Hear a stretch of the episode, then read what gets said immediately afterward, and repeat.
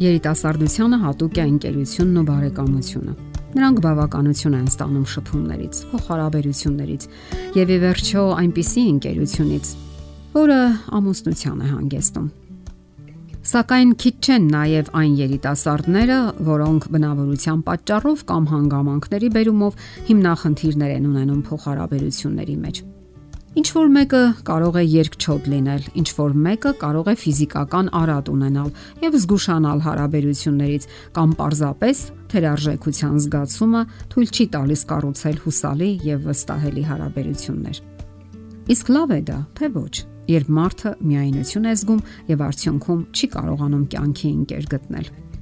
Շատերն ասում են, որ իրենք առանձնակի ծանր չեն տանում միայնությունը։ Նրանք բոլորովին էլ ավարտված չեն համարում իրենց կյանքը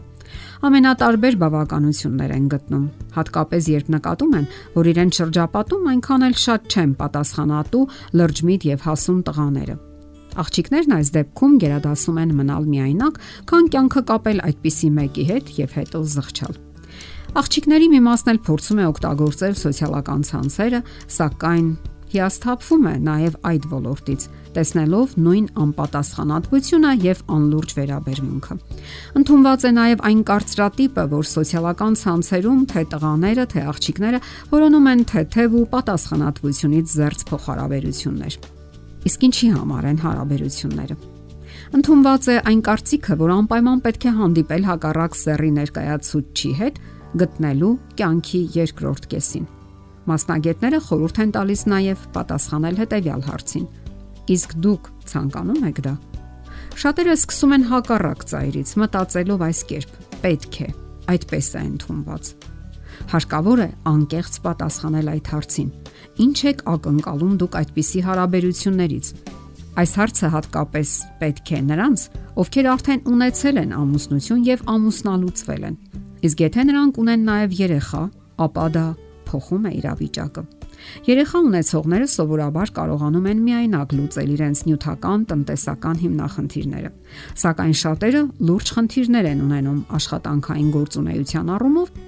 եւ մտածում են, որ առանց տղամարդու օգնության չեն կարող պահել երեխային կամ երեխաներին, թեկուզ եւ նախկինը գումարային օգնություն է ցուցաբերում։ Այս դեպքում եւս կարեւոր է հասկանալ, թե ինչ եք ցանկանում դուք՝ կյանքի ընկեր թե նյութական աջակից եւ արդյոք դա հուսալի հարաբերություններ կստեղծի ձեր միջև։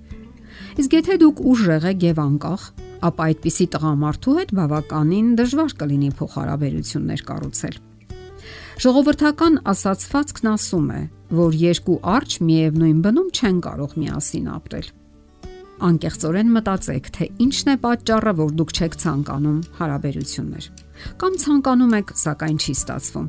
Իսկ եթե ամուսնալուծված եք, ապա դարձյալ մտածեք, թե ինչն էր պատճառը, որ չհամակերպվեցիք միմյանց հետ։ Դա կօգնի, որ ավելի ճիշտ կազմակերպեք հետագա հարաբերությունները։ Իսկ դրա համար հարկավոր է ազնիվ լինել ինքդ քեզ հետ։ Այո, կանանց եւ աղջիկների դեպքում կա այսպիսի համախտանիշ՝ խոր հիասթափություն տղամարդկանցից։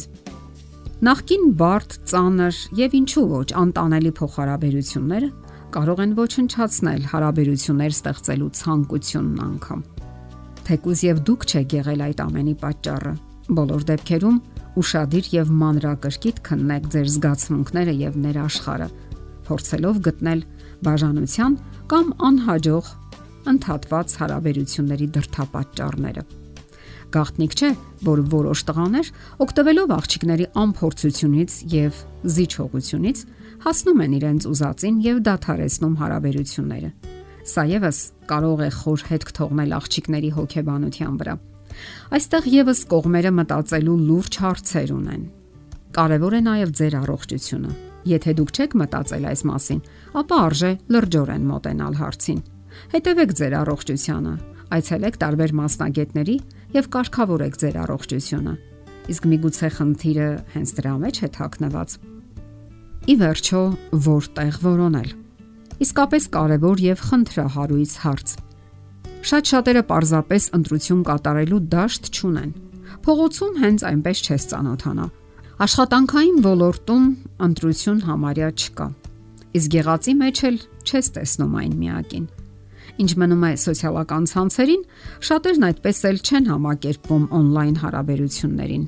կամ էլ չեն վստահում, վախենում են անկեղծությունից, որովհետև մեր օրերում քիչ չեն համացանցային խափեփաները եւ զգուշանալ իհարկե արժե։ Սակայն դա նաև չի նշանակում ընդհանրապես հրաժարվել այդպիսի ծանոթություններից։ Միայնության հմայքները գոյություն ունի եւ այս տարբերակը։ Ոչ քիչ մարդիկ բավականություն են ստանում միայնությունից Նրանք անկեղծ են եւ չեն ստում, երբ ասում են, որ իրենց ավելի թեթև ու ազատ են զգում։ Նրանք ունեն իրենց սիրելի գործը, ունեն իրենց նախասիրությունները եւ զբաղվածությունը։ Ունեն իրենց միջավայրը, որտեղ իսկապես երջանիկ են ու գոհ։ Ունեն իրենց համախոհները։ Ահա թե ինչու պետք չէ ողբերգություն հորինել միայնակ կյանքից, այլ պետք է վայելել ներկան։ Այն միջավայրը, որտեղ այս պահին գտնվում ենք Հանգստացեք եւ ուրախացեք նրանով, ինչ կատարվում է ձեր շուրջը։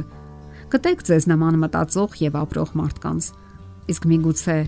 հենց այդտեղ գտնեք նրան, ում հետ կցանկանաք կառուցել ձեր կյանքը։ Մի բացառեք ոչ մի տարբերակ, որովհետև կյանքը միշտ շատ ավելին է, քան մենք կարող ենք անգամ պատկերացնել։ Եթերում ճանապար երկուսով հաղորդաշարներ։ Ձեզ հետ է Գեղեցիկ Մարտիրոսյանը։ Հարցերի եւ առաջարկությունների դեպքում զանգահարեք 094 08 2093 հեռախոսահամարով։ Հետևեք մեզ hopmedia.am հասցեով։